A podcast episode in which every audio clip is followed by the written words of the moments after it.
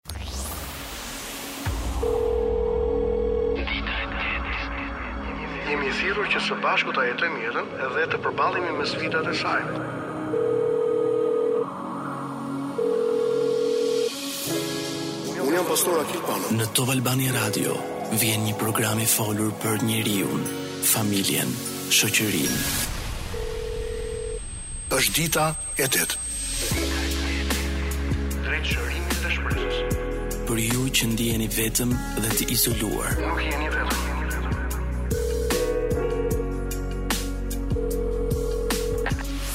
Jemi bashkë. Është dita e tetë. Të dashur miq, mirëmbrëma, përshëndetje të përzemërta nga unë Pastor Akil Pano, jam vërtet i lumtur që përgjatë minutave. Në fakt, orëve. Do të qëndrojmë 2 orë këtë mbrëmje së bashku sikundër çdo të mërkurë nga ora 8 e darkës deri në orën 10. Është një kënaqësi e vërtetë për mua që të shpenzoj këto minuta, këto 2 orë në një komunikim ndërveprues me ju. Mund të komunikoni me mua në Facebookun tim Pastor Akil Pano apo në Instagram. Mund të shkruani mesazhet tuaja lidhur me temën të cilën ndaj me ju.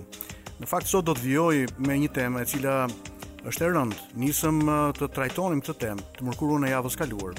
Të ftuar kisha profesorin e nderuar akademikun e vendit Artan Fuga.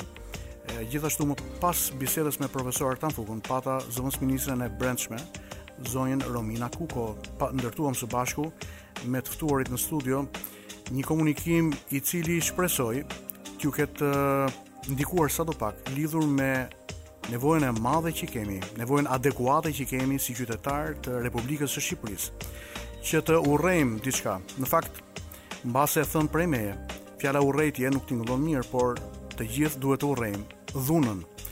Dhuna një, një, një element i cili na zhbën, e cila na, na ndot, e cila na zvogëlon, Do të vijojmë me këtë temë, pasi shikoj që kronika e zezë, kronika e lajmeve uh, lidhur me krimin, çdo uh, ditë, çdo ditë mbush ekranet dhe mediat sociale në vendin tonë. Pra sot do të vijojmë me temën Shqipëria nën pushtetin e dhunës dhe të krimit. Çfarë po ndodh në vendin e shqiponjave ku në çdo javë regjistrohet një atentat, fatkeqësisht. Sa ka ndikuar pandemia në rritjen e kriminalitetit dhe si mund të dalim nga kjo vorbull? Cili është roli i secilit nga ne? Për të vendosur gurin e vlerave, në mënyrë që së bashku të ndërtojmë njeriun, familjen edhe një shoqëri të paqtë, larg dhunës.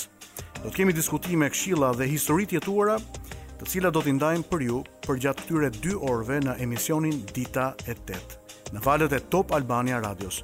Natyrisht për trajtuar këto tema që janë vërtet delikate, Tema të cilat i shqyrtojmë në emisione të tjera në televizion apo në artikujt e gazetave të ndryshme, çështje që kanë goditur njeriu sot. Në studio do të ndajnë eksperiencat lidhur me fenomenin e dhunës.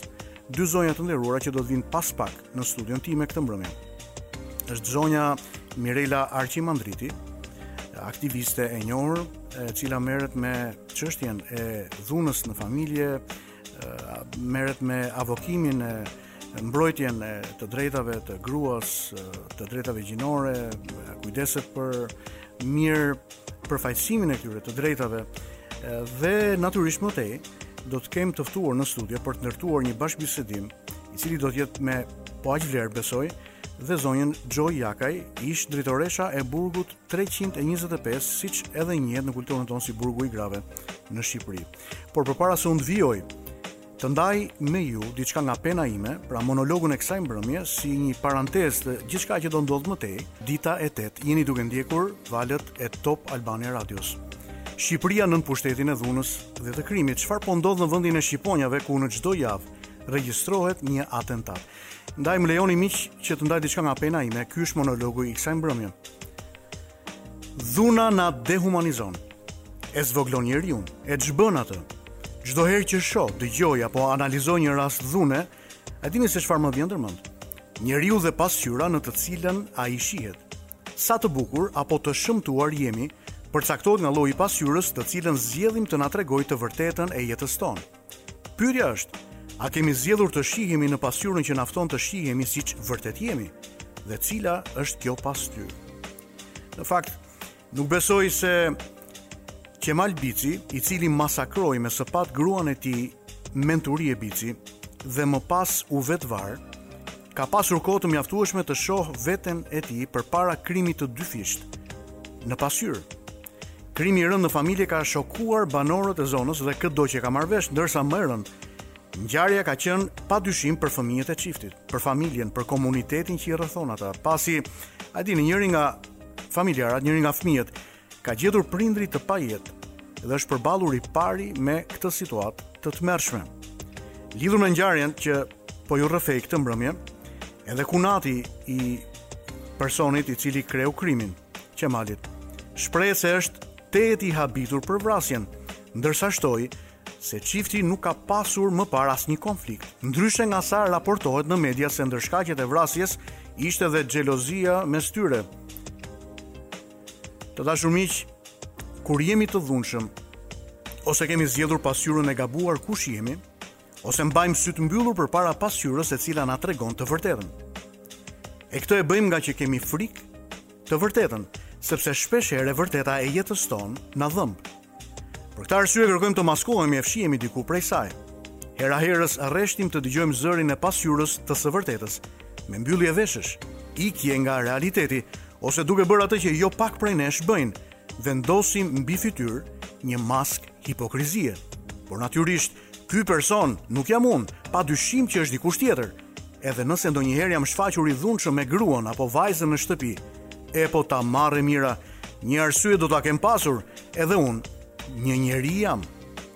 Sapo dëgjuat një prej mënyrave se si ne, burrat, i ikim përgjegjësive individuale për t'u përballur me dhunën që mbartim brenda vetes tonë.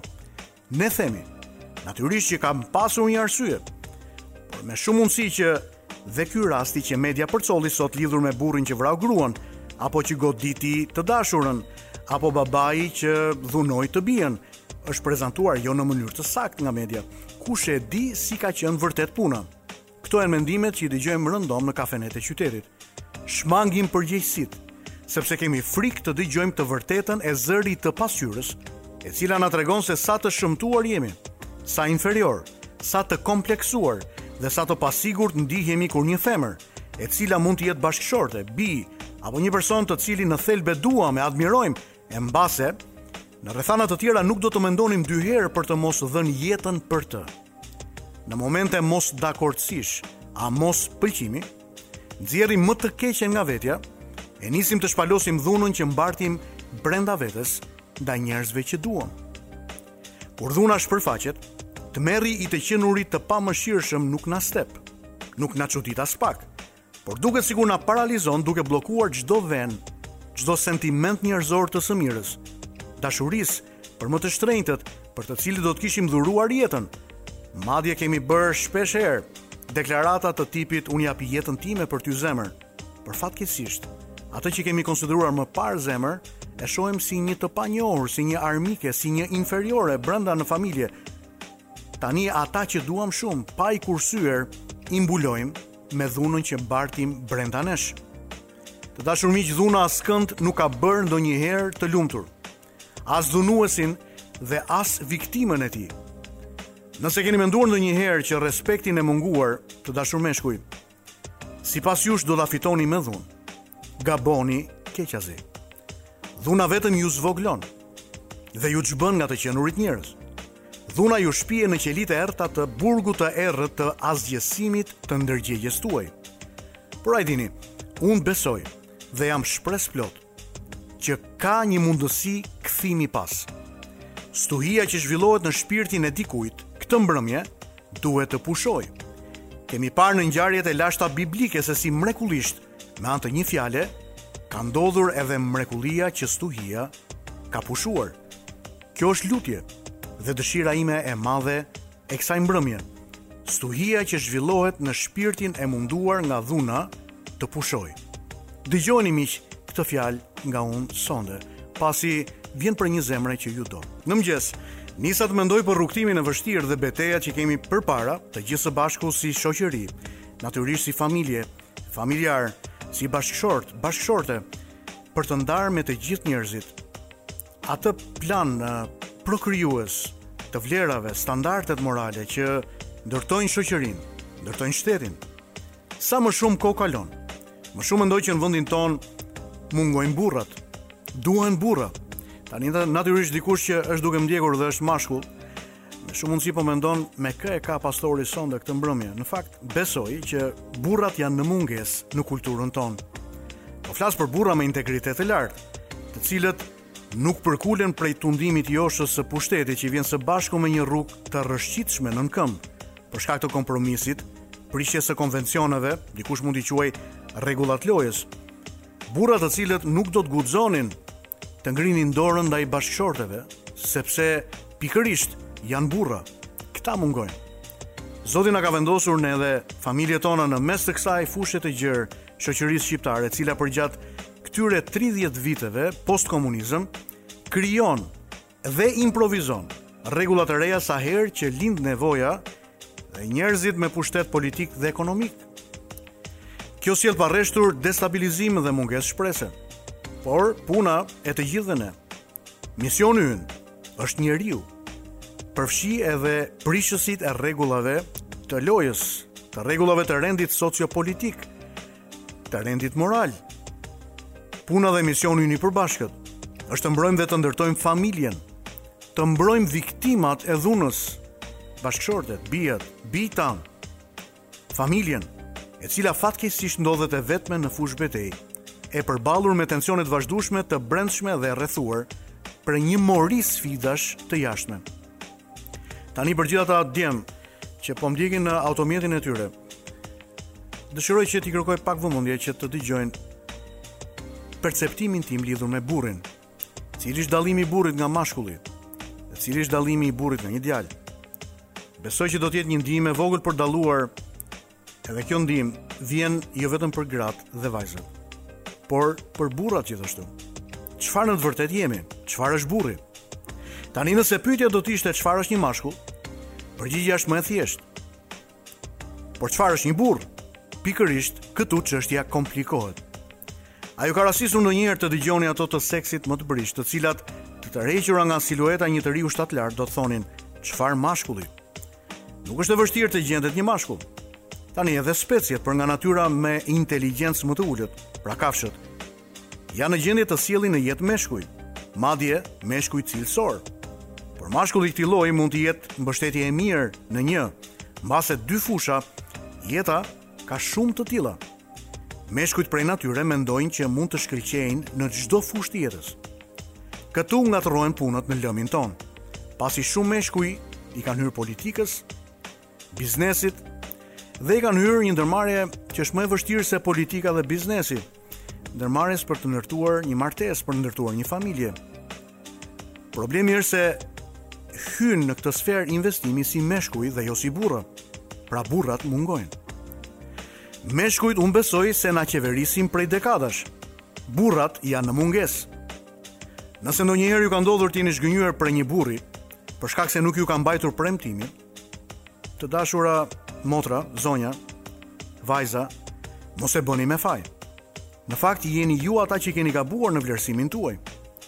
Ata që ju kanë zhgënjyer në mosmbajtjen e premtimeve dhe thyerjen e besës, shkaktarët e lotëve janë meshkujt. Burrat nuk janë të tillë. Ndaj mos ua llogaritni fajin arsyes së trishtë të lotëve tuaj. Thjesht mendoni se janë meshkuj dhe se këta mund t'i lindë çdo specie, prej natyre inferiore nga ajo e njeriut. A e dini që raca e meshkujve që prej padijes sillen superiorë, të dhunshëm, rritet me një shpejtësi marramendëse, njëlloj si grami në fushë?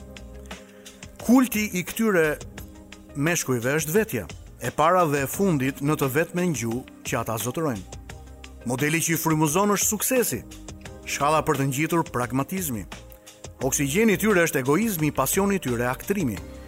Mbase mendimi se mjaft të jesh mashkull dhe i bën të gjitha, e ka pikënisjen në pritjen plot ankth të baballarëve në kulturën tonë, në oborret e materniteteve në vend. Gëzimi i ardhjes në jetë të një fëmije mashkull eklipson çdo gëzim tjetër familjar për një kohë të gjatë. Por vështirë se mendohet, nëse një ditë ky mashkull do të arrijë të bëhet burrë. Makineria e fabrikës tonë sociokulturore ka pothuaj të pamundur të prodhojë një stof të tillë. Burri është ai i cili duhet kërkuar më shumë se çdo gjë tjetër në shoqërinë tonë. Më shumë se profesionisti, më shumë se intelektuali, më shumë se akademiku, më shumë se politikani, burrat janë në mungesë. Më shumë se biznesmeni punëdhënës, më shumë se qytetari aktiv i kauzave shoqërore, sot në kërkim duhet të jetë dhe të mbetet burri. Por çfarë është ai? Unë besoj që ai dallon lehtë nga meshkujt. Pasi nënën djepin dhe shtëpinë e kanë ndryshe prej tyre. Gjinjtë që e kanë mëkuar burrin janë ndershmëria dhe besnikëria. Djepi që e ka përkundur është integriteti. Shtëpia që e ka rritur është virtyti i dashurisë. Burri lufton për të drejtën pa dhunuar inferiorin e tij. Ai nuk tërhiqet nga fjala, nuk refuzon të bëjë të mirën dhe nuk hesht përballë së keqes. Nuk e kënaqin padrejtësitë, por e drejta. Nuk përdor gjuhën e mashtrimit, por armë ka të vërtetën. Nuk përfiton nga pafuqia e më të dobtit, por e ngre atë nga pluhuri ku ai ndodhet. Burri gjithnjë fal, toleron, sakrifikon, ai dashuron, ëndërron, përkushtohet, mbulon, kërkon dhe pret me durim. Në martesë, burri është sinteza e të fortës dhe të butës, forca që udhëheq dhe butësia që mbështjell, shkrihen brenda tij. Të dashur miq, le të ngremë, lartësojmë dhe kultivojmë burrat në kulturën tonë. Ju ftoj që të qëndroni së bashku me mua përgjatë minutave të këtij programi, pasi pas pak do të kemi një zonjë të nderuar e cila do të vijë në studio për të ndërtuar bashkëbisedimin e parë për sonte. Ajo është zonja Mirela Arqimandriti. Çfarë po ndodh me krimin në Shqipëri? Sikundër ju lajmërova dhe pak më lart. Këtë mbrëmje do të kemi zonjë të nderuar, në fakt ka ardhur është në studion e Top Albania Radios, pikërisht përballë meje, zonja Mirela Arqimandriti, një aktiviste dhe mbrojtëse e të drejtave të njeriut. Mirela, mirë se vjen. Mirë se u gjeta. Edhe ju falenderoj që iu përgjigjët pozitivisht kësaj ftese për ndërtuar një bashkëbisedim. Faleminderit që më ftuat. Që shpresoj do të jetë një bashkëbisedim uh, me përfitim. Shpresoj që shumë gra, vajza, burra të rinj të përfitojnë përmes bisedës që ne do të kemi bashkë këtë mbrëmje. Shpresoj që po na dëgjojnë. Që nga viti 99 ju jeni pjesë e qendrës së Aleancës Gjinore për Zhvillim. Dhe aktualisht ju e drejtoni këtë qendër. Keni diplomë masteri në administrim biznesi nga Universiteti i Sheffieldit, ndërsa më herët jeni diplomuar për bachelor për fizikë në Universitetin e Tiranës. Zakonisht persona që përfundojnë fizikë ose bëhen filozofë, vijojnë udhëtimin në në filozofi ose qëndrojnë tek fizika si shkencë ekzakte. Pse ju pikërisht duket sikur keni bërë një exit, një dalje të lehtë për të vijuar master në një fushë tjetër? Ëm um, unë kam mbaruar fizikë në vitin 1990. Domethënë, uh, pikërisht në momentin që bëhej fizikë dhe ndryshoheshin dhe sistemet. Tani, e kuptoni që përpara nëntëdhjetës, unë nuk e zgjodha vetë fizikën, më zgjodhi komiteti ekzekutiv. Kështu që për të shkuar në fizikë, sepse unë isha nxënëse e mirë, kisha nota shumë të mira dhe ndoshta atje kishte nevojë partia në atë moment për të mbushur sepse shumë studentë u Po duhet të plotësonte disa kuota të caktuara. Po kështu po, edhe, edhe bashkëshortja ime duhet të studionte inxhinieri e kështu me radhë. Po, po, po. po. Kështu që unë e bëra fizikën, jo se nuk e doja, më pëlqente fizika, po isha më e prirur për këto shkencat ë uh, ekzakte, por uh, të kombinuara uh, ekonomik, për shembull kërkesa ime ishte për mjekësi, ë uh, Kështu që Mbas nëntëdhjetës, mbasi mbarova fizikën, unë punova 2 vjet mësuese në Rubik. Oh. Po. Si ka qenë eksperienca? Pra cili është realiteti që gjetët atje në Rubik? Ë, uh, atje gjetëm njerëz shumë të mirë në fakt dhe gjetëm një grup uh, të rinjsh si puna ime që kishin filluar pa, përpara meje ose që vinin njësoj po. me mua në dek në profesione të ndryshme, inxhinierë, uh, ekonomistë, mësues, edhe ishim rreth 30-35 veta në fakt. Okej. Okay. Që punonim në Rubik. Kishim apartamentet tona mhm. të ndara, sigurisht. Dhe ë uh, unë menjëherë fillova punë si mësuese në shkollën e mesme të përgjithshme në Rubik. Edhe kalonim shumë mirë në po, fakt. Po flasim për vitet 92, 90, 92, 90, shtator 1990, 91-shin dhe pak 92-shin. Pastaj u kthyet në Tiranë, po. Aty unë njohta bashkëshortin tim, oh, ai ishte uh -huh. inxhinier miniere, uh mhm. -huh. edhe pastaj uh, u kthyem në Tiranë uh, në 92-shin, nga, nga fundi i 92-shit, sepse aty u shkatërrua çdo gjë, filluan të mbylleshin oh. Po. gjërat nuk funksiononin, dhe ne u kthyem në Tiranë. Mbas kthimit në Tiranë, pastaj, uh, filluan këto uh, mundësitë për të për të bërë diçka, për të bërë biznese etj etj, kështu që bashkë me bashkëshortin unë ndoqa atë në disa aventura të biznesit. Aventura të mira shpresoj po. Po, shumë të mira, po ndërkohë uh, unë vazhdova të të punoja mësuese, por mësuese uh, në dispozicion që i thoshin po, atëherë. Po. Ishte shumë e lodhshme, mm -hmm. vendet e punës ishin të limituara. Kështu që më kapi 95-96-ta në këtë format. Ë dhe në atë vit në 97 unë linda djalin edhe kështu që mbas lindjes së djalit nuk iu riktheva më arsimit. Por aplikova në një vend pune që ishte hapur ë në një organizatë që merrej me të drejtat e grave. sepse kisha një një kështu, kisha një vokacion për të punuar, për për të drejtat dhe kështu që aty fillova fillimisht si vullnetare në fakt. Mm -hmm. Kam punuar në një vit si vullnetare dhe pastaj hap pas hapi brenda organizatës dhe brenda lëvizjes gruas jam rritur dhe jam kjo që jam sot. Edhe natyrisht eksperienca juaj jetësore, fakti që u larguat menjëherë si stud, pasi përfunduat studimet, menjëherë një studente sapo diplomuar, shkoni në një vend si Rubiku, jetoni aty rreth 2 po, vjet. Po, po, po. Lavdi uh, Zotit gjetët dashurinë e jetës tuaj, oh, po. edhe kështu vijon udhëtimi juaj më tej. Por këto eksperienca jetësore janë më me vlera sipas përqasjes mm. time se sa çdo lloj universiteti, ashtu është në fakt. Unë nuk zgjodha të rrija në shtëpi, se në 90 në fakt qe shumë e vështirë që vajzat të po. largoheshin nga familja. Unë kisha një baba shumë mbështetës dhe brilant dhe shumë shumë liberal, kështu mm. që dhe ai më tha që bën mirë të punosh, domethënë mos rri në shtëpi. I thashë dhe unë dua të punoj menjëherë, domethënë nuk e nuk e nuk e dyshova atë që të lija Tiranën dhe të punoja në Rubik. Ne nuk e dinim se çfarë do ndodhte në fakt në atë kohë. Kishim ato eksperiencat po.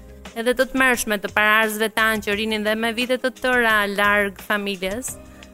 Por na shkoi mirë, na shkoi shumë mirë, kështu që. Mirela, shiko. Ju jeni studiuese, jeni eksperte e përfshirjes së qytetarëve në vendimmarrje dhe e, natyrisht fuqizimin e grave e keni në fokus fuqizimin e grave në po, shoqëri. Tani po. meqë po diskutojmë eksperiencën tuaj të shumë viteve më parë, po flasim për vitin 90 90 92, 30 vjet më parë. Po. Ë dhe keni qenë në një qytet të vogël në veri të Shqipërisë. Po. Ky miti i i i nderimit të gruas në veri nga veriorët. Është është mit apo është realitet? Pra si e gjetët ju realitetin e vajzave dhe të grave në Rubik? A dhunoheshin ato nga um, prindrit, nga të dashurit? Në Rubik unë kisha nxënëse, kisha uh, kolege mësuese, kisha dhe uh, komunitetin rreth e rrotull, gra po, edhe burra po, që jetonin bashkë. Çfarë patë atje? Nuk kishte dhunë në vitet 90-91. në Rubik. Por menjëherë me ndryshimin e e sistemit, e sistemit dhe sidomos me si të thuash daljen duarsh të institucioneve mm -hmm. dhe ligjeve që nuk funksiononin institucionit të policit për shembull, po. institucionit të gjykatësit, filluan këto gjëra. Njerëzit ata që patën mundësi dhe që i, e kishin në mendje se sigurisht, domethënë e keqja ekziston aty është, ata patën mundësi të parët të të fillonin të të bënin dëm në fakt. Okay. Uh, dhe filluan të vidheshin shtëpi që nuk ishte vjedhur po. edhe edhe ë uh, po, kjo ndodhi kudo, ishte një fenomen domethënë po, që edhe vendi ku jetonim ne uh, u u bastis disa herë kur ne vinim në Tiranë për shembull. E gjenim qoftë gjërat që merreshin ishin fare ç'a të them, domethënë veshje që nuk nuk ia vlenin. Pra, po, thënë ndryshe, mund të themi që ka qenë një kulturë frike dhe një kulturë nderimi e cila ka ruajtur gratë dhe vajzat në veri apo kudo në Shqipëri gjatë atyre viteve. Ëm të paprekura relativisht nga dhuna. Ë Ishte frika sigurisht sepse kishte uh, kishte uh, një si ta thuash uh, fuqi uh, institucioni shtetëror uh, dhe uh, zyrtari. Po. Uh, dhe nga kjo uh, frikë uh, mbaheshin larg pikërisht ata tipat që mund të kishin dhe vese apo mund të mund të ishin të formuar të tillë, por ndërkohë që ë uh, shumica e pësoi si thuash, nuk është se ishte shumica ata që ndryshuan dhe dhe morën pjesë në në këtë lloj në këtë lloj shthurjeje si të thuash, të sistemit. Njerëzit pastaj filluan të kishin frikë, filluan të mbusheshin dritaret me hekura. të mbylleshin balkonet, të mbylleshin dyert, të mbaheshin fëmijët brenda, gratë nga nga punësimi, po. ato uh, menjëherë uh, u mbyllën brenda, nuk po. kishin më punësim, mhm. sepse shumica e grave punonin. Shkollat pësuan një 2-3 vjeçar një një po. si të thuash, ky do uh, izolimi uh, në po. fakt. Po. Po, dhe 96-ta, sidomos uh, shkatërrimi masiv i fabrikave, e mbaj mend në atë periudhë sepse uh, kur kur filluan të shkatërroheshin disa fabrika, sidomos në këtë zonën e Kamzës, mbaj mend që po po vidheshin uh, sasi e madhe vaji apo ku di unë vere, çfarë prodhohej atëherë s'e mbaj mend. Po njerëz me me kshu me me arka në dorë që mbushën rrugët dhe ne ktheheshim në fakt me me një furgon me shumë ngadalë për të ardhur për Tiranë. ë uh, u pati një një shthurje të madhe sistemi, me thënë të vërtetën, po. edhe që që atëherë nuk e mori më veten. Tani shiko, përpara se të vijmë te, ë uh, unë do i kërkoj uh, DJ Wizit që të vendosi një këngë, e ne do të vijojmë më tej. Në fakt, unë do të vijoj me, me idenë e përshkrimit të shoqërisë aktuale sot. Po. Nëse në, në optikën tuaj, si është shoqëria shqiptare sot? Pra për një aktiviste, për mbrojtjen e të drejtave të njeriut, si mund ta përshkruajmë me pak fjalë shoqërinë shqiptare? Zonja Mirela, një aktiviste për mbrojtjen e të drejtave të njeriut, si mund të na përshkruani me pak fjalë atë çka po ndodh në Shqipërinë e këtyre ditëve. Një emision tjetër televiziv shpalosi që nga janari deri në muajin qershor janë rreth 30 vrasje pa llogaritur kërcënimet për vrasje, tentativat për vrasje, plagosjet, përdhunimet, incestin e tjerë. Çfarë po ndodh? Ëm um, um, ka një shkatërrim të të të njeriut dhe të moralitetit në fakt. Pse? Por um, e gjitha kjo ndodh sepse um, mendimi im është që arsimimi është um, është në nivele të ulta. Arsimimi i popullatës, i të rinjve. Dhe kjo ka ndodhur për shumë vite me radhë. Po flisni për cilësinë? Për cilësinë e arsimit, për uh, dhe Nuk po flas për matematikën dhe për biologjinë që bëjnë ata aty, po flas për cilësinë e edukimit. Nuk ka një uh, nuk ka një bashkëpunim të mirëfillt shkollë, komunitet dhe prindër, pra familje. Kjo uh, ky ky trekëndësh nuk ekziston fare në Shqipëri. Ju e dini shumë mirë që mbledhjet e prindërve bëhen sa për të thënë, prindërit shkojnë aty, shohin notat shpejt e shpejt, i bërtasin fëmijës sepse nuk ka dal mirë në matematikë apo në biologji dhe nuk Kujdesen fare që ky fëmijë mund të jetë shantazhuar, mund të jetë bullizuar, mund të bullizojë të tjerët dhe uh, me këtë nuk merren fare. Pra prindi nuk e din se çfarë ndodh brenda. Uh, vetëm kur, kur bëhet uh, ngjarja shumë e rëndë, uh, kur i ndodh diçka shumë e rëndë fëmijës vet, uh, ka ka pas raste që dhe fëmijë dhe kanë uh, kanë vrarë veten, kanë pirë ilaçe dhe apo dhe jo, dhe kur ka vajtur te kjo pika, atëherë ata kanë thënë çfarë po ndodh. ë uh, Por faktikisht edhe vetë mësuesit nuk është se ofrojnë këtë gjë. Bordet e shkollave janë kot, sa për të thënë, nuk janë borde, janë fiktiv që të gjithë. Edhe bordi, si të po thua, është kryesor. Pse ky indiferentizëm ndërkohë që bëhet fjalë për fëmijët tonë, ne gjithë e dimë uh, vetë për edhe të themi. Vetë shkolla nuk është e interesuar me thënë të vërtetën që domethënë ta bëj bordin aktiv. ë uh, Ju e dini që nëpër shkolla shumica e drejtuesve janë partiak, janë politik, po. nuk janë drejtues uh, që profesionistë, janë profesionistë. Profesionist, po. pra, Ne duhet të fillojmë njëherë nga edukimi i trupës mësimore. Shiko, kjo ndodh jo vetëm në shkollën vjeçare, kjo vijon në gjimnaz, kjo vijon në universitet, po pra, ke po. të bësh me një mediokritet të skajshëm etj etj. Është Por... është një situatë e cila duhet me thënë të vërtetën duhet nuk e di kush duhet të ulen këta burrat e shtetit që po. nuk e kam fjalën vetëm për qeveritarët, po. e kam fjalën ndoshta akademikët, duhet mm -hmm. të ulen dhe të bëjnë një plan me këtë me këtë situatë të tmerrshme dhune që po ndodh në Shqipëri, dhunë në në familje, ne kemi një në dy gra, thotë që një herë në jetën e vet të paktën është abuzuar, është dhunuar ekonomikisht, psikologjikisht, fizikisht. Po kjo është e tmerrshme. Kemi rreth 4000 gra që raportojnë dhunën, marrin telefon, raportojnë dhunën, marrin urdhra mbrojtje 4000 gra. Ndërkohë që jetojmë në një kulturë mos raportimi sepse është turp i madh që të tjerët ta marrin vesh e të dëgjojnë çfarë ndodh brenda shtëpisë lidhur me dhunën e të tjera. Tabu kemi uh, kemi ngacmimet seksuale. Asnjëri nuk i raporton ngacmimet seksuale ose uh, përdhunimet. Po. Kështu që këto ndodhin, nuk ndodhin vetëm në shkolla, ato mund të ndodhin edhe në institucione. Ndodhin kryesisht brenda anëtarëve të gjakut në një familje, pra midis kushërinjve të parë, jo, kushërinjve të dytë?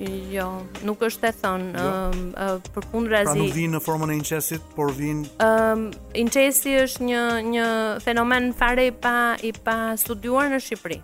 Domethënë, incest ne e dim që ka, po. edhe ndërkohë ka dhe raportime, janë shumë të pakta, Por pra, daja, um, daja përdhunon po, po uh, mbesën, babai. Po mbasi kanë kaluar vite, pra kur fëmija është rritur është trimëruar, dhe, ka është trimëruar po. edhe uh, ka uh, ka dëgjuar dhe shkon dhe raporton, por ndërkohë që me atë fëmijë nuk merret askush, duhet merret e gjithë një institucion, një një strukturë shtetërore. Pra ju po thoni që ne kemi dështuar që tek institucionet e edukimit Absolut. në mungesën e ndërtimit të një komuniteti që bashkëvepron midis pedagogut, po. bordit të shkollës po. dhe prindit. Po. Pra diçka duhet duhet ndodh. Po, patjetër. Edhe vetë komuniteti, domethënë komuniteti është shumë i rëndësishëm në kuptimin që Komuniteti i vogël, aty ku jetojnë njerëzit, aty ku jetonte 15 vjeçarja nga uh, Mirdita, 15 vjeçarja nga Kavaja. Komuniteti e dinte 14 vjeçarja nga për... që u përdhunua po, nga roja e shkollës. 14 vjeçarja nga uh, uh, komuniteti, një pjesë e komunitetit e dinte ngjarjen, e dinte përpara se ta merrte vesh policia, përpara se këto njerëz të të uh, si do thuash kriminalizoheshin dhe të të arrestoheshin e tjera e tjera dhe të merrej gjykata me ta. Komuniteti këta rrinë, këta nuk flasin. Po ndërkohë, janë këta të cilët uh, edhe e pësojnë, se për po, shembull rasti i vrasjes së gruas në Elbasan. Po. Uh, ishin dy persona atje që u dëmtuan sepse po, ai e shkrehu edhe mund t'i kishte vrarë. Babai avokati, babai i njërës, avokati ishte babai i një vajze që vjen në kishën tonë. Ha. Edhe ai ishte plagosur me katër me katër plumba, pa po. edhe njerëz të tjerë që kanë qenë aty përjashta. Po. Ë, uh, duket sikur po jetojmë kronikën e një e shumë krimeve të paralajmëruara. Tani kemi rritje të numrit të vrasjeve në familje, kemi pasur javët e fundit rritjen, cilat mendoni ju se janë shkaqet që çojnë burrat të vrasin gratë, bashkëshortet e tyre. Misogjinia, si urrejtja ndaj grave. Si mund të pezullohet arsyeja deri në këtë dimension? Misogjinia, urrejtja ndaj grave, e cila vjen në forma nga më të ndryshme. Po nuk janë këta bashkëshortë të cilët kanë bërë deklarata që janë gati të japin jetën. Janë dhe ata janë dhe baballarë të fëmijëve. Në një moment të caktuar ata janë dashuruar me gruan e tyre. Por çfarë ndodhi gjatë rrugës? Gjatë rrugës pra nuk ka funksionuar sistemi. Ai nuk ka marrë asnjëherë një edukim në jetën e tij, moraliteti, ky bashkëshort. Ky ka parë uh, dhunë ndoshta në familjen e tij, nënën të rrihet nga babai. Po mbase edhe kjo vajza, edhe kjo bashkëshorte. Edhe kjo. Ka parë nënën e vet e po, cila ka duruar dhunën e tij etj dhe është rritur edhe, edhe kjo. Ne ne kemi sot edhe nëna dhe baballarë, po kam unë kam parë vetë edhe me pushime, kam parë nëna që i ulin vajzat ë uh, edhe djem, po 2-3 herë kam parë vajza i ulin me zor në tavolinë, i bërtasin, e, e godasin fëmijën e vogël, domethënë fillojnë e, e edukojnë në këtë mënyrë me dhunë. Mirela sa shpejt kalojnë minutat në radio. Tani. Ikën. Ë uh, kemi pas lulëzim të krimit këtë vit. A ka ndikuar pandemia, një temë që prek uh, dhunën, prek uh, krimin. Por natyrisht prek familjen, prek njeriun, prek thelbin e qenies. Pyetja ishte, kemi parë lulëzim, shpërthim të krimit në shumë dimensione gjatë këtij viti. Mendoni se ka ndikuar pandemia, Mirela?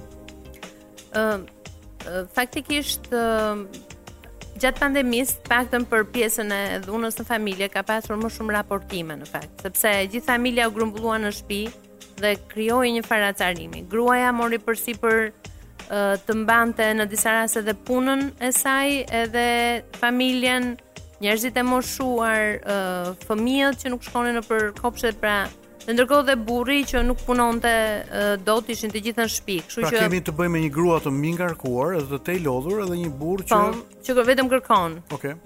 Që pra, kërkon Burri konsumator Grua në dispozicion po. E cila Megjithëse në fakt në shoqërinë tonë ka ndryshuar pak ky raport Kemi çifte shumë moderne dhe burra Shumë të mirë cilët e ndihmojnë gruan Por në përgjithësi në përgjithësi dhe sidomos në në disa zona të caktuara gruaja vazhdon të jetë e mbingarkuar ë me me peshë të dyfishuar thonë në botë kur kur flasin për këtë gjë po në fakt në Shqipëri mund të jetë dhe trefishuar pesha dhe katërfishuar. Po pse mendoni burrat nuk marrin pak nga kjo peshë, nga përgjegjësia e jetës? Ëh, brenda familjes burrat në Shqipëri nuk para marrin peshë. Tani thashë ka ndryshuar për disa çifte të reja, uh, janë më të më më të modernizuar, janë më të ndërgjegjësuar. Uh, kanë më, më shumë mundësi, uh, mund t'i fusin rrobat në lavatriçe, domethënë t'i lajnë, uh, apo dhe t'i nderin për shembull rrobat, është janë disa gjëra dhe tabu. Mendoni që kaq e vështirë që nga për gratë që t'i thonë bashkëshortëve tyre zemër Hajde se u rrop, u rropata sot. Hajde më ndihmo, ose hajde t'i ndajmë bashkë këto. Uh, mund t'ia thotë sigurisht, por uh, uh, një ndeshje, një një emision politik, një gjë i mban burrat më të mbërthyer tek divani me pultin në dorë, sesa tek uh, tek kuzhina. Kështu që kjo dihet uh, është uh, është e ditur dhe e gjitha kjo vjen si ndërgjegjësim që vjen edhe nga familjet, domethënë aty ku gratë jetojnë edhe me vjehrrit e tyre për shembull, ose edhe me nënat dhe baballarët e tyre është është krijohet ky rrethi familjar që nuk e lejon si të thuash burrin e shpisë, djalin e shpisë që të bëjë punë. Ai mendohet që duhet të bëjë punë jashtë shpisë, por dhe këto punë janë të limituara. Për shembull, në zonat uh, rreth rrotull Tiranës, si për shembull zonën e Bathores, ku po. gratë uh, unë i takoj ato dhe i njoh personalisht punojnë në fabrikat e tekstileve dhe këpucëve që janë aty. Mm -hmm, mm -hmm. Ato punojnë tetë orë atje, po. një punë vërtet të lodhshme, të lodhshme, të pa të paguar shumë, shumë pak. pak me pesha, me me po. me norma të mhm. mëdha. Mm -hmm. uh, por uh, nga ana tjetër, uh, burrat e tyre uh, nuk kanë punë të qëndrueshme sipas tyre, pra kanë punë me ditë, ditore. Kjo dhe i acaron, thonë ato, vijnë të lodhur, vijnë uh, pa punën e ditës, Uh, kështu që gratë janë të detyruara si për të krijuar edhe balancën në familje uh, të marrin përsipër të bëjnë uh, ushqimin, larjen, shplarjen, kujdesin për fëmijët. Dhe gjithë kjo e mbingarkon situatën në po, familje shumë. Sikur është një cikël jetësor i përsëritur për ato bijat po. që kanë parë nënat e tyre të vuajnë, po. të kalojnë përmes duket sikur është një film që ripërsëritet vetëm se aktorët janë të ndryshëm. Sa ndikojnë prindërit mendoni juve? dhe veçanërisht nënat tek vajzat e tyre në lidhje me marrëdhëniet e këtyre vajzave me bashkëshortit në familjen e re. Ë ndikojnë shumë, ndikojnë ndikon jashtë mase e gjithë familja. Familja në fakt është e papërgatitur. Ë shumë pak janë të përgatitur për çfarë domethënë familje. Po. Ë ne nuk kemi një edukim të çiftit përpara se të martohet, edukim paramartesor. Dhe kush janë, si të thuash, detyrat, detyrimet në martesë, pse po bëhet martesa, çfarë detyrimesh ke ti, këto nuk nuk njihen fare. Këto merren si të si të thëna brez mbas brezi dhe ashtu si e ke marrë ti në familjen tënde ashtu dhe e është modele, pra janë ato pra, që drejtojnë po, dhe udhëheqin. Është modeli roli, rol, modeli që ti ke par, roli babait, roli nënës, gjitha këto ti pastaj i sjell në familjen tënde. Nëse janë pozitive, është shumë mirë. Nëse gjen mjedis pozitiv, atëherë familja bëhet fantastike. Po nëse të tuat janë pozitive atje ku gjen gjen negativitet, ë ë gjen për shembull ti uh, je përpjekur për për diçka të mirë, nëna e bashkëshortit uh, pret uh, bashkëshortin në darkë dhe i thotë më bëri kështu, më bëri ashtu, Aty fillojnë gjithë konfliktet familjare. Po mirë, nuk nuk mundet të gjendet një formulë lidhur me disa kurse, po themi, ja, kurse paramartesore ose kurse martesore gjatë uh, martesës. Ë janë shumë të domosdoshme. Kurset paramartesore janë shumë domosdoshme. Uh, edhe një herë vim prapë aty ku tham, tek po. shkollimi, tek mhm. arsimimi, tek edukimi po, i njeriu. Kurset paramartesore apo martesore nuk bëhen në në fakultet, në në jo, jo, jo, në fakultet, po e gjitha uh, nëse ka një modul të caktuar që flet qoftë për edukatën seksuale, qoftë për një modul ku nxënësit fillojnë të flasin për marrëdhëniet në familje, për dhunën ndaj gruas, për barazinë gjinore etj etj. ë them që një një një lëndë e tillë duhet të jetë po, e domosdoshme. Do të një formulë. Kisha zakonisht, kisha po un flas për kishën sepse jam pastor. Po. Prej vitesh me radhë ofron falas, krejtësisht falas, kurse paramartesore, kurse martesore për çiftet që janë të fejuar apo po, dashuruar po. dhe çifte që janë të martuar. Dhe ka pas sukses në këtë në këtë drejtim. Pra niveli i dhunës nuk është në komunitetet e besimit, sikundër është jashtë këtyre komuniteteve. Ideja e lumturisë në martesë po. apo ideja e përballjeve me sfidat e jetës. Por gjithsesi duhet të gjehet një formulë jashtë këtyre komuniteteve të besimit në mënyrë që të mund të jetë i aksesueshëm një material gjithëpërfshirës, jo thjesht për po, po. ithtarët e një komuniteti jo. të caktuar besimi, për besimtar, por për të gjithë, pasi un jam dëshmi e gjallë që në martesën tonë ne jemi një martesë prej 26 vjetesh unë dhe Linda po. dhe hym në martesë sikundër dhe ju thatë, hym të papërgatitur, nuk kishim mentor, nuk kishim njerëz të cilët të na thonin më fal. Burri duhet Është ky, gruaja është kjo. Burri sillet në këtë mënyrë. Burri duhet ta shikojë veten në këtë mënyrë. Burri do ta shikojë bashkëshorten e tij në këtë mënyrë. Do të marrë këtë lloj përgjegjësish për jetën në këtë mënyrë. Etj, etj. Pra, duket sikur duhet bërë një punë shumëplanëshe, punë me prindrit, me të rinjtë që aspirojnë, janë aspirant për martesën, po, po.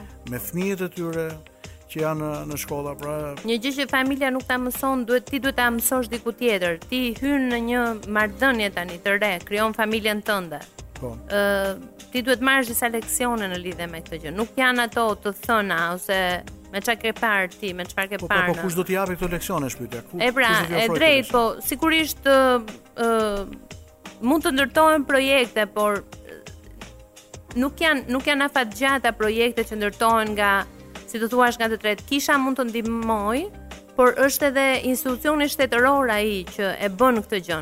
Ndoshta përpara se të lidhet martesa në në bashki, duhet të kalojë një seancë, duhet të bëhet si rregull një seancë leksionesh ose mund të prodhohet një libër. Po. Në lidhje me këtë gjë. Absolutisht. Po. Edhe ma do mendja që do do jetë edhe i i shitshëm. Njerëzit do po. duan të dinë, të po. marrin ca leksione uh, pozitive, jo vetëm ato që kanë parë në familjet e tyre të origjinës. Zonja Mirela koha vrapon me shpejtësi shumë më shpejt sesa edhe mendimi herë-herës mendimet tua kanë qenë vërtet me, me vlerë të madhe në komunikimin e kësaj mbrëmje por unë kam një zakon që zakonisht të ftuarve i bëj nja dy tre pyetje në fund fare që janë personale, juve mund t'i përgjigjeni ose jo. Dakord. Nëse një ditë do dilnit përpara Zotit. A besoni që do t'i duhet t'i kërkoni atij falje për diçka? E para njëherë shpresoj që Zoti t'jetë grua. Interesante ky mendimi që Zoti t'jetë grua. Po, po mendon që grua do t'ishte më, më, uh, më e hirshme në raport me gratë? Ëm um, edhe me burrat, patjetër. Edhe unë do do do doja të pija një kafe me këtë uh, zotin grua dhe të po. të diskutonim çështje. Nuk kam ndonjë gjë për të kërkuar falje në fakt. Po. Nuk kam ndonjë pishman apo ndonjë Atëherë nëse nuk keni ndonjë pishman, i bie që edhe pyetja tjetër që unë kisha përgatitur ë dështon, pasi pyetja do të ishte nëse do të kishit mundësinë ta rinisni jetën tuaj nga e para. Ku do ta Ku do ta nisni? Jo, kjo pyetja nuk dështon. Ë, po? nëse do ta rinisja jetën nga e para, nuk do të doja ta rinisja në komunizëm. dhe në diktaturë. Do doja të isha në një vend të lirë. Përfshi dhe Rubikun. Uh, po edhe Rubiku, domethënë po. Shqipëria të mos ishte diktaturë. Ajo na ka na ka prishur shumë punë, me thënë të vërtetën dhe prandaj jemi në këtë derexhe sot. Por ndërkohë edhe këto 30 vite gjithkush që u mor me me qytetarët shqiptarë nuk e bëri punën mirë. Zonja Mirela, unë ju falenderoj vërtet pa masë për komunikimin tonë gjatë kësaj mbrëmje. Do të jeni gjithnjë e ftuar, për aq sa unë do të jem në komunikim në në media, në emisione të tjera, natyrisht edhe nëse ju do të keni dëshirë. Dhe shpresoj që një pjesë e njerëzve që na kanë dëgjuar të kenë mbajt disa shënime. Edhe këto fjalë të qëndrojnë në memorien e tyre. Faleminderit, faleminderit shumë. Ishte kënaqësi. Ju falenderoj unë. Në studion time është një zonjë e nderuar, ju e njihni përmes komunikimit të saj në agorën e debatit publik. Çështje të cilat janë me shumë vlerë, çështje që lidhen me njeriun, familjen dhe shoqërinë dhe për aq kohë sa çështja kryesore e këtij programi Dita e Tetë është të ndërtojë njeriun, familjen dhe shoqërinë përmes vlerave, moralit, dimensionit shpirtëror, Njerëz si Xhoi Jakaj do të jenë gjithnjë të mirëpritur. Në fakt është doktore shkencash. Zonja Jakaj, mirë se vini. Faleminderit. Së pari nuk mund të rri pa pa komplimentuar Top Albania Radion dhe Top Channelin, që në kryet herës kur është hapur për mua ka qenë një dashuri e madhe topi i tërë i topi por du t'i komplimentoj dhe t'i uroj për gjetjen uh, fantastike që kanë bërë me emisionin tuaj që Zoti do i ndihmoj sepse dita e tetë është dita dita e Zotit, dhe dita po, që po. që i bekon gjithë njerëzit, kështu që bekuar qoftë topi dhe emisioni juaj. Çfarë urimi. Falenderoj shumë. Shiko, në fund do të bëj nja 2-3 pyetje që janë në dimensionin shpirtëror. Ndryshe nga pyetjet që kemi i kemi vendos Aha, për të trajtuar sot. Duhet të kisha sjell mamin tim atë. Vërtet. Po. Është besimtare mama? Është besimtare dhe njeri fantastik. Okej, okay, okej. Okay. I uroj jetë gjatë, jetë gjatë dhe shëndet dhe bekime nga Zoti. Ju keni drejtuar disa projekte gjatë angazhimit tuaj në sferën publike në luftën kundër HIV/AIDS-it, drogës, duhanit, sëmundjeve ngjitëse, por Kemi qenë së bashku vite më parë në një emision televiziv drejtuar nga Dudushi në Top Channel. Mm -hmm. Edhe aty mesazhi që ju keni përcjell më ka mbet në zemër dhe në mendje, pasi nuk pash edhe dëgjoj vetëm mesazhin që erdhi nga një zonjë që në atë kohë ju ishit drejtoresha e burgut që njihet si burgu i grave, pra mm -hmm. burgu 325. Mm -hmm. Por Dëgjova jo thjesht zërin e një specialisteje, por edhe zërin e një mamaje, një nëne që kujdesej për ato vajza të cilat vuanin dënimin në burg dhe thash wow. Paskemi njerëz në vendin tonë në Shqipëri, të cilët nuk vënë vetëm arsyen, inteligjencën në punë, por vendosin edhe dimensionin shpirtëror, edhe dhemshurinë, edhe përkujdesin. Pra, ju më tej pasi uh, keni përfunduar angazhimin tuaj në si, si në drejtimin e burgut 325 në Tiranë, Jeni në vijim pedagoge në Universitetin e Tiranës, autore e disa librave, presidente e shoqatës Act Now, gjithashtu dhe themeluese e Qendrës Social Kulturore Joy dhe Julia, për këtë do t'ju pyes në në fund. Keni bërë shumë shkrime për dhunën, si për dhunën në familje ndaj fëmijëve, Dhunën gjinore, si do ta cilësoni ju shoqërinë shqiptare, të dhunshme apo një shoqëri e cila reagon në varësi të situatave? Më ka pëlqyer shumë kjo pyetje. Ëm uh, pa diskutim më pëlqeu edhe që e ke rikujtuar uh, atë emision me Alban Dudushin, e rikujtoj fare mirë. Ëm uh, dhe që i ke dhënë një tjetër lloj dimensioni dhe qasje modelit të një drejtuesi që nuk ishte fare e lehtë pastaj të të drejtoje një burg grash dhe ti të të të, të shfaqje tërë atë pjesën shpirtërore brenda. Shikoj zonja Jakaj, nuk është e lehtë me drejtu një makinë me 3 jo, gra mbrena. Sigurisht. Jo, sigurisht e the bukur. Dhe domethënë më impresionon fakti që ti e ke kujtuar. Ë që në krye të herës Mendoj që um, un kam luftuar fort për të të drejtat e pavarësisht se pak më përpara ishte një zonjë tjetër që un ajo e rikujtoj që jemi takuar diku në një aktivitet të të Yjeve pra, Ali Demit. Um, un kam punuar fort për të drejtat e e njeriut, për të drejtat e vajzave dhe grave. Pse e kam bërë? Kam bërë sepse un vij nga nga një zonë nga zonat e veriut, dhe kam qenë vajza e parë uh, dhe pas meje kanë lindur pesë vëllezër. Uh, prindërit e mi kanë qenë dy prindër të cilët uh, vazhdimisht uh, vëllezërve u kanë thënë që dëgjoje motrën.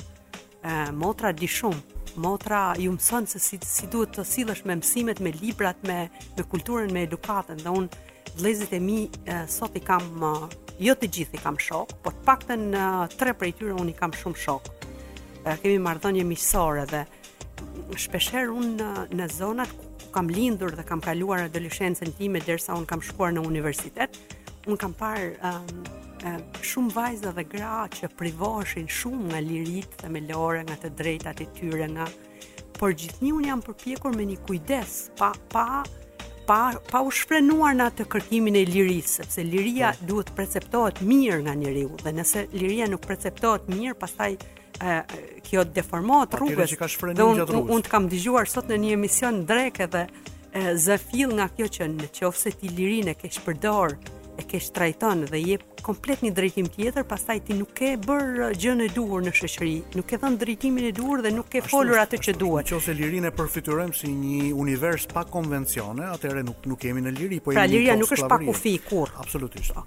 Dhe nisur nga kjo un kam gjithnjë kam bërë shkrime, gjithnjë jam përpjekur që edhe shk edhe te shkrimet e mia ndoshta kundër dhunës, për lirinë e vajzave, për lirinë e, e, e të shtypurve, të të varfërve, Unë jam përpjekur që të gjej këtë dimensionin shpirtëror që thatë ju pak më përpara që sepse uh, për fatin tim të mirë unë drejtova një institucion që është sa një universitet për mua drejtimi atij institucioni, unë kuptova që uh, kuptova aty që liria uh, është gjëja më e shtrenjtë e jetës, por dhe në kushtet e izolimit, përsëri në qoftë se ti di të drejtosh mirë dhe të respektosh liritë dhe drejtat themelore të njeriut që detyrimisht një drejtues duhet t'i bëjë, përsëri ti ke ke punu, ke zbatuar ligjin me përpikmëri, por ama i ke dhënë të drejtën themelore për të jetuar, për të bërë disa kurse, për t'u arsimuar në disa në disa gjëra të vogla. Për shembull, unë kam unë kam thënë edhe diku në një emision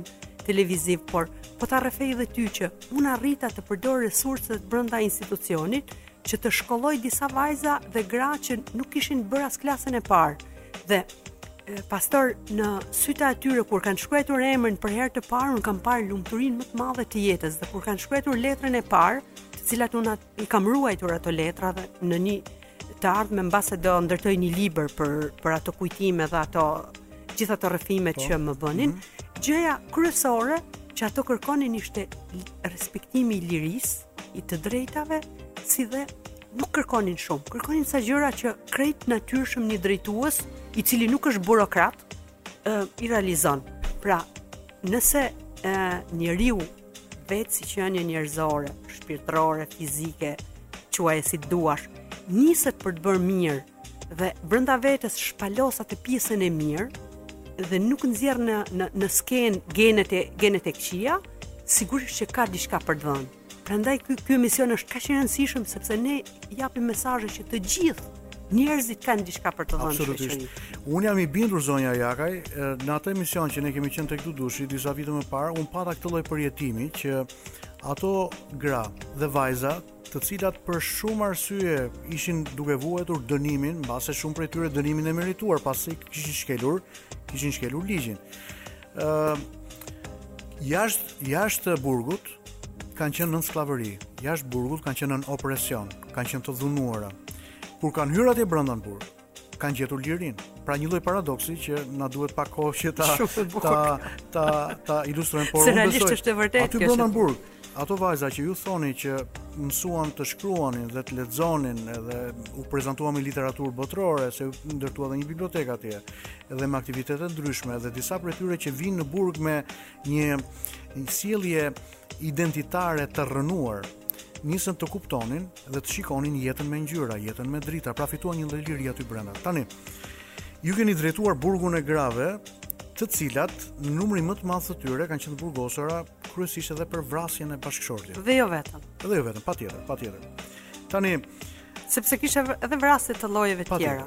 A, a keni ju një histori nga këto gra që e ka prekur ë që ju ka prekur juve, që ju e keni prekur jetën e tyre dhe mund të na e tregoni sonte këtë mbrëmje. Një bisedë e cila jo vetëm është ndërvepruese, por është një bisedë e cila ndërton vlerë, ndërton vlerë edhe jetëson uh, virtyte. Uh, kam uh, përballë zonjën Xhoi Jakaj, doktore shkencash, ka qenë drejtoreshë në burgun 325, siç njihet ndryshe dhe burgu i grave, natyrisht përgjatë gjithë viteve, të kontributit të saj në këtë institucion është takuar me shumë vajza, gra, nëna, bija për më tepër, të cilat kanë vuajtur dënimet e mëkateve të tyre, nëse mund ta përdor këtë fjalë. Dënimet të cilat kanë qenë rrjedhojë e veprimeve të tyre që kanë qenë në shkelje me ligjin. Natyrisht Xhoi, a keni një histori që nga këto gra, një histori që ju ka prekur ju, por gjithashtu dhe ju me punën tuaj keni keni sjellë një ndryshim Domethënë është një dhe me këtë person. Tani, uh, Akil, uh, më fal nëse t'u drejtova me ti, por konfidenca u krijua shumë e madhe në studio, përpos pjesës që ndër vite të kam ndjekur dhe uh, fjala jote zë vend në çdo lloj emisioni dhe në çdo lloj paneli në Shqipëri. Uh, janë shumë të rënda historitë për t'i treguar, megjithatë përciptazi unë do të tregoj një histori. Uh, shikoja një grua veshur me të zeza që qante vazhdimisht. Çfarë moshe ishte kjo? Uh, ishte te mosha 26, 27 vjeç.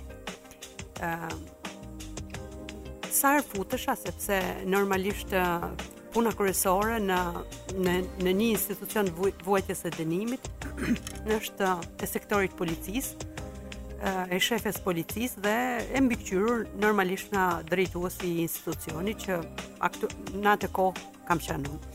E megjithatë, pavarësisht se më janë atribuuar shumë shumë suksese të punës time gjatë viteve që kam drejtuar. Unë aty kam drejtuar me një staf shumë shumë të mirë, të mrekullueshëm. Do doja sonte që edhe gratë të jenë duke na dëgjuar sepse ato kanë shumë dëshirë kur më dëgjojnë mua. A dëgjohet radio? Po dëgjohet, dëgjohet radio në dëgjohet radio dhe shikohet televizor, është një minutazh, një orë e caktuar në darkë, nga kjo orë deri në këtë orë që Çfarë ore zakonisht? Do të shikosh po diku nga ora 8 deri në orën 10 e gjysmë. Po mirë, ne që kemi fikse orën në të cilën orën në të cilën ato pastaj ja ë e kanë të detyruar të fikin dritat të të heqin ngrohëset, dikush për shembull që s'ka qenë kurrë në institucionin e vuajtjes së dënimit, nuk e di këtë element, sepse kur u kam treguar punonjësve të mia të qendrës janë janë habitur që ato kishin një orë gjysmë deri në 2 orë në dimër, për shembull, ngrohëse për t'u ngrohur dhe pjesën tjetër duhet të fikeshin ato, Po, sepse ishte rregull, e shkruar në rregulloren e burgut. Pak ftohtë në dimër. Pak ftohtë dhe aty është edhe çimento të tëra, mm. por ajo ishte rregullorja dhe ato gra ishin çu. Po t'i trajtoje mirë, pastaj, kishin të të, të shifnin si kështu si një në si një dritë si një dritë në fund të tunelit. Po. Biles ndonjëherë ishin mësuar që unë merrja gjithë stafin futesha se normalisht nuk i kam bërë punët vetëm, ëh, kam po. bërë ca punë të mira, po unë i kam bërë punët me bashkëpunëtorët, me shefen e policisë, me shefen e edukimit, me shefen e shëndetësisë, me me psikologët, me sociologët, me gjithë ata me oficerat e e shërbimeve me punonjësit e policisë, me punonjësit e e shoqërimit. ë dhe të gjithë së bashku kemi bërë krijova një një staf uh, unik aty që e, të, edhe pse brenda burgut të të krijoj një një një gjendje shpirtërore të mirë, jo një gjendje një gjendje të ligë. Ditët e para kur kam shkuar thashë uh, shifja një grua që qante vazhdimisht dhe një ditë prej ditësh uh, um, zona ku futesha brenda brenda rrethimit kishte një bibliotekë dhe një zyrë ku bashkë me stafin unë i prisja dhe ë uh, desha ta dëgjoj rrëfimin e saj dhe uh, ajo kishte marrë përsipër vrasjen e bashkëshortit, të cilin e kishte bërë uh, djali i saj. Uh, të dy ishin uh, në në arrest dhe ishin në paraburgim. Djali ishte tek uh, burgu i burrave kurse Nëna ishte tek 325 ose burgu i grave. Edhe mm, doja të ta çliroja pak nga emocionet dhe i thashë rrëfehu, flit sikur je duke folur para një prifti. Po. Unë do të dëgjoj me shumë vëmendje sepse mbase lotët e tu do thahen dhe gjatë rrëfimit të saj tha, unë jam dhunuar nga bashkëshorti im për 22 vite rresht. uh, dhe, dhe tani kur e kujtoj më vjen për të qarë, uh, për vite të tëra tha unë kam duruar dhe unë nuk i thoja as prindërve të mi tha, nuk guxoja t'i thoja sepse prindërit e mi nuk e kuptonin që burri im më më godet më rraf, nuk nuk më jep të ha të pi, nuk shpeshherë më nxirrte nga krevati dhe më linte me orë të tëra të rria jashtë Kjo ishte jashtë krevatit. Ishte, domethënë kjo e, jeton jeton në një qytet me pashon jo, apo në një zonë rurale. Jo, jetoni në një zonë në në një zonë rurale të Ishmit të Durrësit. Okej. Okay. Edhe pra, e, Ishmi është afër, është shumë pranë. Diku afër, nuk është shumë larg. ë dhe ë të të tre fëmijët e saj e saj ishin rritur nën këtë dhunë sistematike.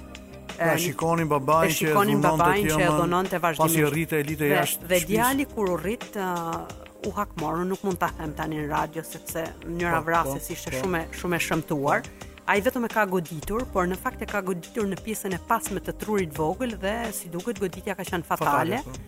Dhe uh, atë uh, pra për, djali për të dja, hakmar. Ja, uh, nëna tani e mori, uh, nuk lajmëruan spitalin, por e mori dhe e hodhi diku në një fushë dhe bashkëshortja bashkëshortja për të për të shpëtuar për të shpëtuar djalin mhm. sepse djali realisht e gjeti duke duke dhunuar të jëmën mm -hmm. pra në dhunë e sipër ai e godet për ta shkëputur nga e jëma dhe nëse mund të pyes edhe nëse ju mund ta kujtoni dhe në fakt ishte i gjithë ishin dënuar djali dhe nëna ato ishin në par, para burgim akoma dhe unë kur jam kur jam uh, larguar nga detyra uh, vazhdimisht jam interesuar se sa vite dënim ka marrë uh, kjo zonja se ajo kishte marrë të tërë Fajin mbi vete. Fajin mbi vete, por normalisht uh, ishte zbuluar krimi dhe unë kurrë nuk e përligj krimin sepse jetën nuk do t'ia marrësh askujt. Absolutisht po. As ligji as Zoti nuk e lejon që ti t'i marrësh jetën dikujt. Ky është mesazhi që ne përcjellim sot dhe, me, me bindjen. Ë në këtë pikëpamje ai u rrëfye dhe u ndje mirë shumë.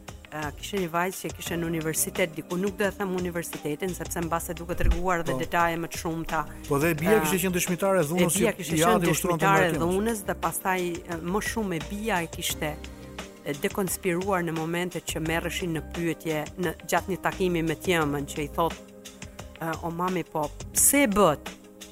Po mami ë ndodhi sepse ë vllai vllai yt e, e gjeti duke më më dhunuar në format më monstruoze dhe nuk është se dua ta justifikoj se vllai yt nuk ka dashur kurrë të kthehet në vrasës. Dhe kjo pengun më të madhe kishte që pse unë nuk u ndava më herët dhe dhe e, arrita në në këtë të duroj dhunën për 22 vite dhe pas 22 vitesh për shkak të dhunës m'u bë dhe djali vrasës. Pra pengu më i madh i saj nuk ishte pengu se do kryente një një dënim, nuk e kishte fare problem dënimin e vet. Thjesht kishte problem që djalin e saj pa dashje ajo e bëri të kryejë një krim dhe krimin e kishte kryer ndaj të jatit. Kështu që kjo është unë uh, sa herë e kujtoj Biles eh, pastor, po ta rrëfej për herë të parë, unë disa net nuk kam nuk kam fletur gjumë mirë, sepse më rikujtoheshin sekuencat e e historisë që që më tregon më serviri ajo në mënyrën në mënyrën më rënqethëse dhe realisht unë e përjetova shumë dhe pastaj pak u kujdesa edhe për veten që nuk duhet të dëgjoja gjitha historitë, se po të dëgjoja gjithë po. paraprakisht po. unë merrja lexoja dosjet. Mm -hmm. Dhe pasi lexoja dosjet unë pranoja të dëgjoja një histori mm. sepse e, normalisht historitë ato kishin një unë kisha një grup psikologësh prej pesë psikologëve dhe i kisha shumë të mirë dhe realisht ato gra i kam ndihmuar. Zonja Jaka, a keni një apel ndaj institucioneve të drejtësisë në vend? A i mbron ligji shqiptar? personat që dhunohen realisht, apo duhet të kemi sërish ndërhyrje në legjislacion për veprën penale të dhunës, apo organet e drejtësisë duhet t'i zbatojnë ligjet që aktualisht kemi me përpikmëri. Shiko, uh, është një problem shumë i madh. Uh, gjykatat shqiptare japin dënime, uh, dënime maksimale për, për gratë, shpeshherë sepse ato nuk kanë nuk kanë uh, mundësi ekonomike dhe financiare për të pajtuar një avokat i cili është i aftë uh, për t'i mbrojtur ato, por në në pjesën më të madhe të, të rasteve për shkak të pamundësive ekonomike, uh, ato kanë një avokat kryesisht që janë avokat të caktuar nga shteti.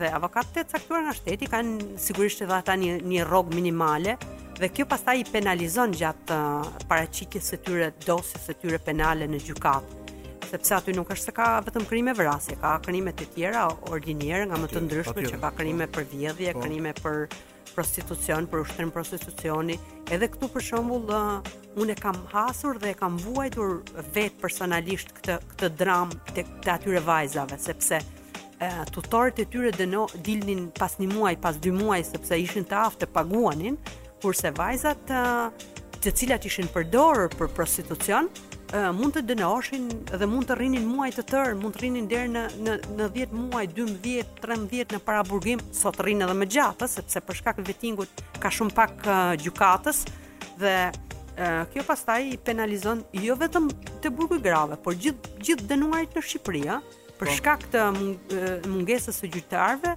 gjyqet e tyre shtyhen pafund nga momenti në moment, nga muaj në muaj, nga viti në vit dhe dosjet janë kapicë në po. në në sirtarët dhe në dollapët madje madje pluhrosur në Sirtarët e gjykatave është një një problem shumë i madh i drejtësisë shqiptare. Pra diçka do sepse vetingu nuk ka ecur paralelisht pastaj mm -hmm. që krahas atyre që largohen po, po magjistratë magjistratët e ri dhe shkolla magjistraturës të ketë përgatitur kastën e re që do zëvendësojë pra këta njerëz duhet të ishin në ekuilibër dhomat e paraburgimit paraburgimit me me me muaj dhe me vite ha me vite tashmë dhe me vite Tani, për personat që janë duke vuajtur dënimin qoftë në paraburgim, qoftë në në qelitë e burgut, ë pasi ata përfundojnë dënimin pas 10 vjetësh, 12 vjetësh, 15 vjetësh apo edhe 4-5 vjet. Ë çfarë ndodh si si e gjejnë ata shoqërinë pasi dalin nga burgu?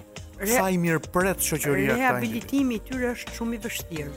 Unë jam përpjekur në vitet e mia të drejtimit që të negocioj me drejtorinë e përgjithshme të burgjeve, se normalisht ne kishim një drejtori të përgjithshme nga e cila po varëshim nga rregullorja mm -hmm. e e brendshme e drejtorisë përgjithshme e burgjeve dhe ministrisë së drejtësisë me ministrin e asokohe që ishte një ministër shumë aktiv dhe që merreshe shumë me pjesën e drejtësisë zotin Manjani, mm -hmm. jemi përpjekur shumë që të ndërtojmë një urë lidhëse midis komunitetit, midis kryetarëve të bashkive dhe midis drejtuesve të, të, të njësive administrative në për gjithë Shqipërinë po. që këto persona në momentin që lirohen, të riintegrohen në shoqëri, të, t'u krijohet një mundësi punësimi, t'u krijohet ndoshta edhe një mundësi ku, ku, ku ata të shprehen, të flasin lirisht. Për shembull në për bashkitë, në gjitha bashkitë e Shqipërisë ka ka ka struktura të posaçme me psikologë. Dhe këto psikologë unë në asokohe jam përpjekur me ministrin e drejtësisë të, të, të ndërtonim një një database që në gjithë Shqipërinë të të dënuarit që kryejnë dënimin për një vepër caktuar penale, po. të atashohen pranë bashkive dhe ose njësive administrative komunave dhe të, të krijohej të, të krijohej një mundësi mm -hmm. sepse ndryshe ata do përfshiheshin përsëri në vepra penale dhe do dhe shpeshherë në shumtën e rasteve madje janë ripërsëritës dhe riciklues që rikthehen përsëri në në dyert e institucioneve. Cili cili do të ishte mesazhi juaj i kësaj mbrëmje për një vajzë apo një bashkëshorte e cila dhunohet nga bashkëshorti i saj? Por ka frikë të denoncojë dhunën që ushtrohet, e për këtë mendon mbase të kryejë edhe një krim. Pra çfarë do t'i thonit? Ëm dëgjo, e bukur pyetja.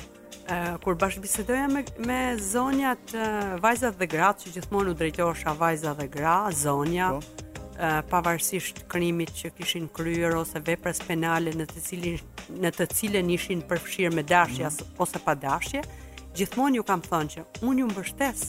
Uh, kisha ndërtuar një slogan ligj dhe tolerancë, tolerancë dhe ligj, por kurrsesi unë nuk përligj një krim. Pra jua thoja me, me zë të lartë gjithnjë, uh, duhet patjetër të gjesh një zgjidhje dhe të mos përfshihesh kurrë në krim.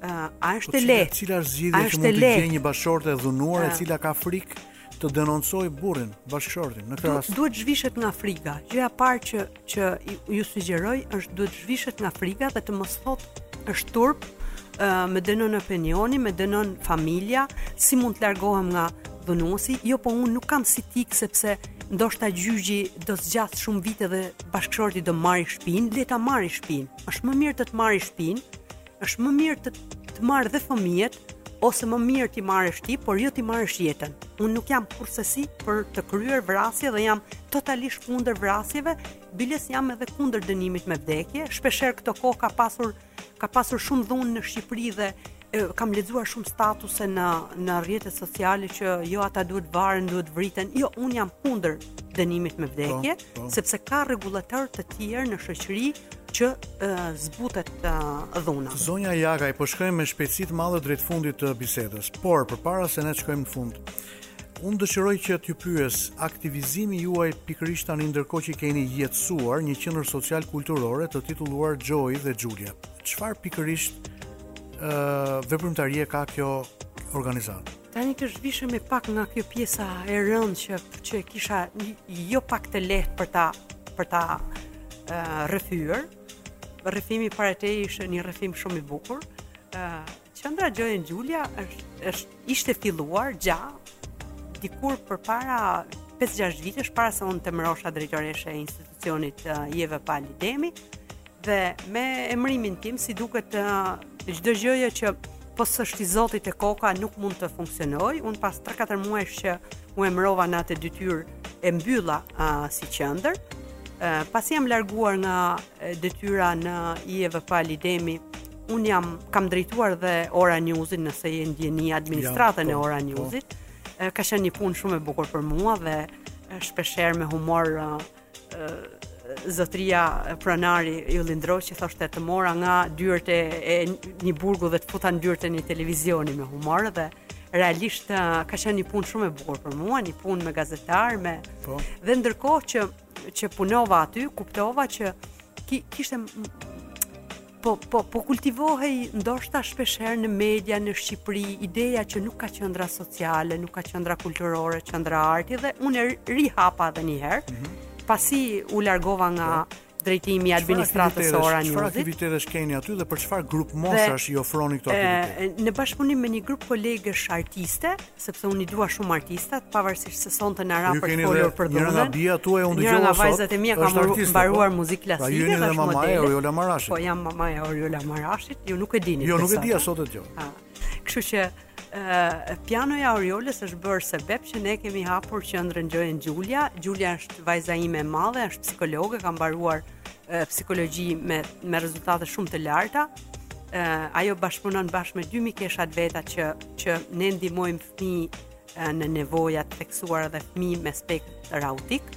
Uh, të gjithë fëmijët uh, që janë afruar te qendra jonë sigurisht me njohjet e mia, me njohjet e vajzave dhe zyshave kanë bursa të akorduara nga qendra Joy and Julia. Kanë dhe bursat janë të specifikuara kryesisht tek klasa e pikturës, tek klasa e pianos dhe klasa e e, e kantos. E kam, e kam ndërtuar pastor Akili me këtë me këtë frymën e dashurisë. Gjithë kolegëve të mi që punojnë me mua u kam thënë që në qoftë se ti do të punosh me mua, Patjetër duhet të ndihmosh një fëmijë dhe ato e kanë pranuar këtë kauzë. Zonja Joy, ju në fakt jeni duke i dhënë këtyre fëmijëve një të ardhme. Jeni duke furnizuar qenien e tyre me një ëndërr. Jeni duke ndikuar në në botën e tyre të brendshme, jeni duke e bërë botën e tyre të pasur. Nuk është thjesht çështje aktivitetesh. Unë madje e pastor më fal se të ndërpres po. se ne ne mësuesit, sepse unë po. zyshë po. jam në fund të ditës, aty e kam filluar dhe aty po e përfundoj ndoshta karrierën Time, ë uh, unë do të të sugjeroj një herë që përveç emrave që dalim në media të, të, të ftosh një grua, një nënë të një fëmijë autik dhe ka për të të befasuar. Domethënë do të do të do të befasojë në emision. Do ta bëj, do ta bëj. Kështu që tuaj. Kështu që ë ë t'u japësh pak mbështetje dhe dorën atyre nënave, atyre zonjave është gjëja, mua më mbush plot dashuri kjo gjë, Pastor Akili. Zonja Jakaj, unë jam vërtet falenderues e mirënjohës për bisedën që zhvilluam. Minutat kaluan ekstremisht shpejt. Ju jeni një zonjë që dini ç'thoni, keni ç'thoni edhe gjëra që ndani, i ndani me pasion, me dashuri dhe me dhemshuri. Edhe këto janë dy elementë që mungojnë në kulturën tonë, dashuria dhe dhemshuria. Natyrisht ju falenderoj vërtet edhe shpresoj që dëgjuesit tanë të dinë të vlerësojnë si duhet këtë komunikim të kësaj mbrëmje me ju. Në fund dua ta mbyll që gërmoni në shpirtin njerëzor të gjithë njerëzve. Të gjithë kanë diçka të mirë brenda vetes që në një moment caktuar e nxjerrin dhe kjo e mira e tyre duhet nxjerrë patjetër. Zonja Jakaj, Zoti ju bekoftë juve dhe familjen tuaj dhe veprimtarinë, punën që që bëni në ndërtimin e njeriu. Gjithashtu Pastor Akil Pano, faleminderit për ftesën. Faleminderit juve. Të dashur miq, këtu kemi mbërritur në fund, në sekondin e fundit të këtij programi për sot. Ju falenderoj dhe uroj çdo bekim të Zotit në jetën dhe familjen tuaj. Bashkë mirudëgjofshim të mërkurën që vjen.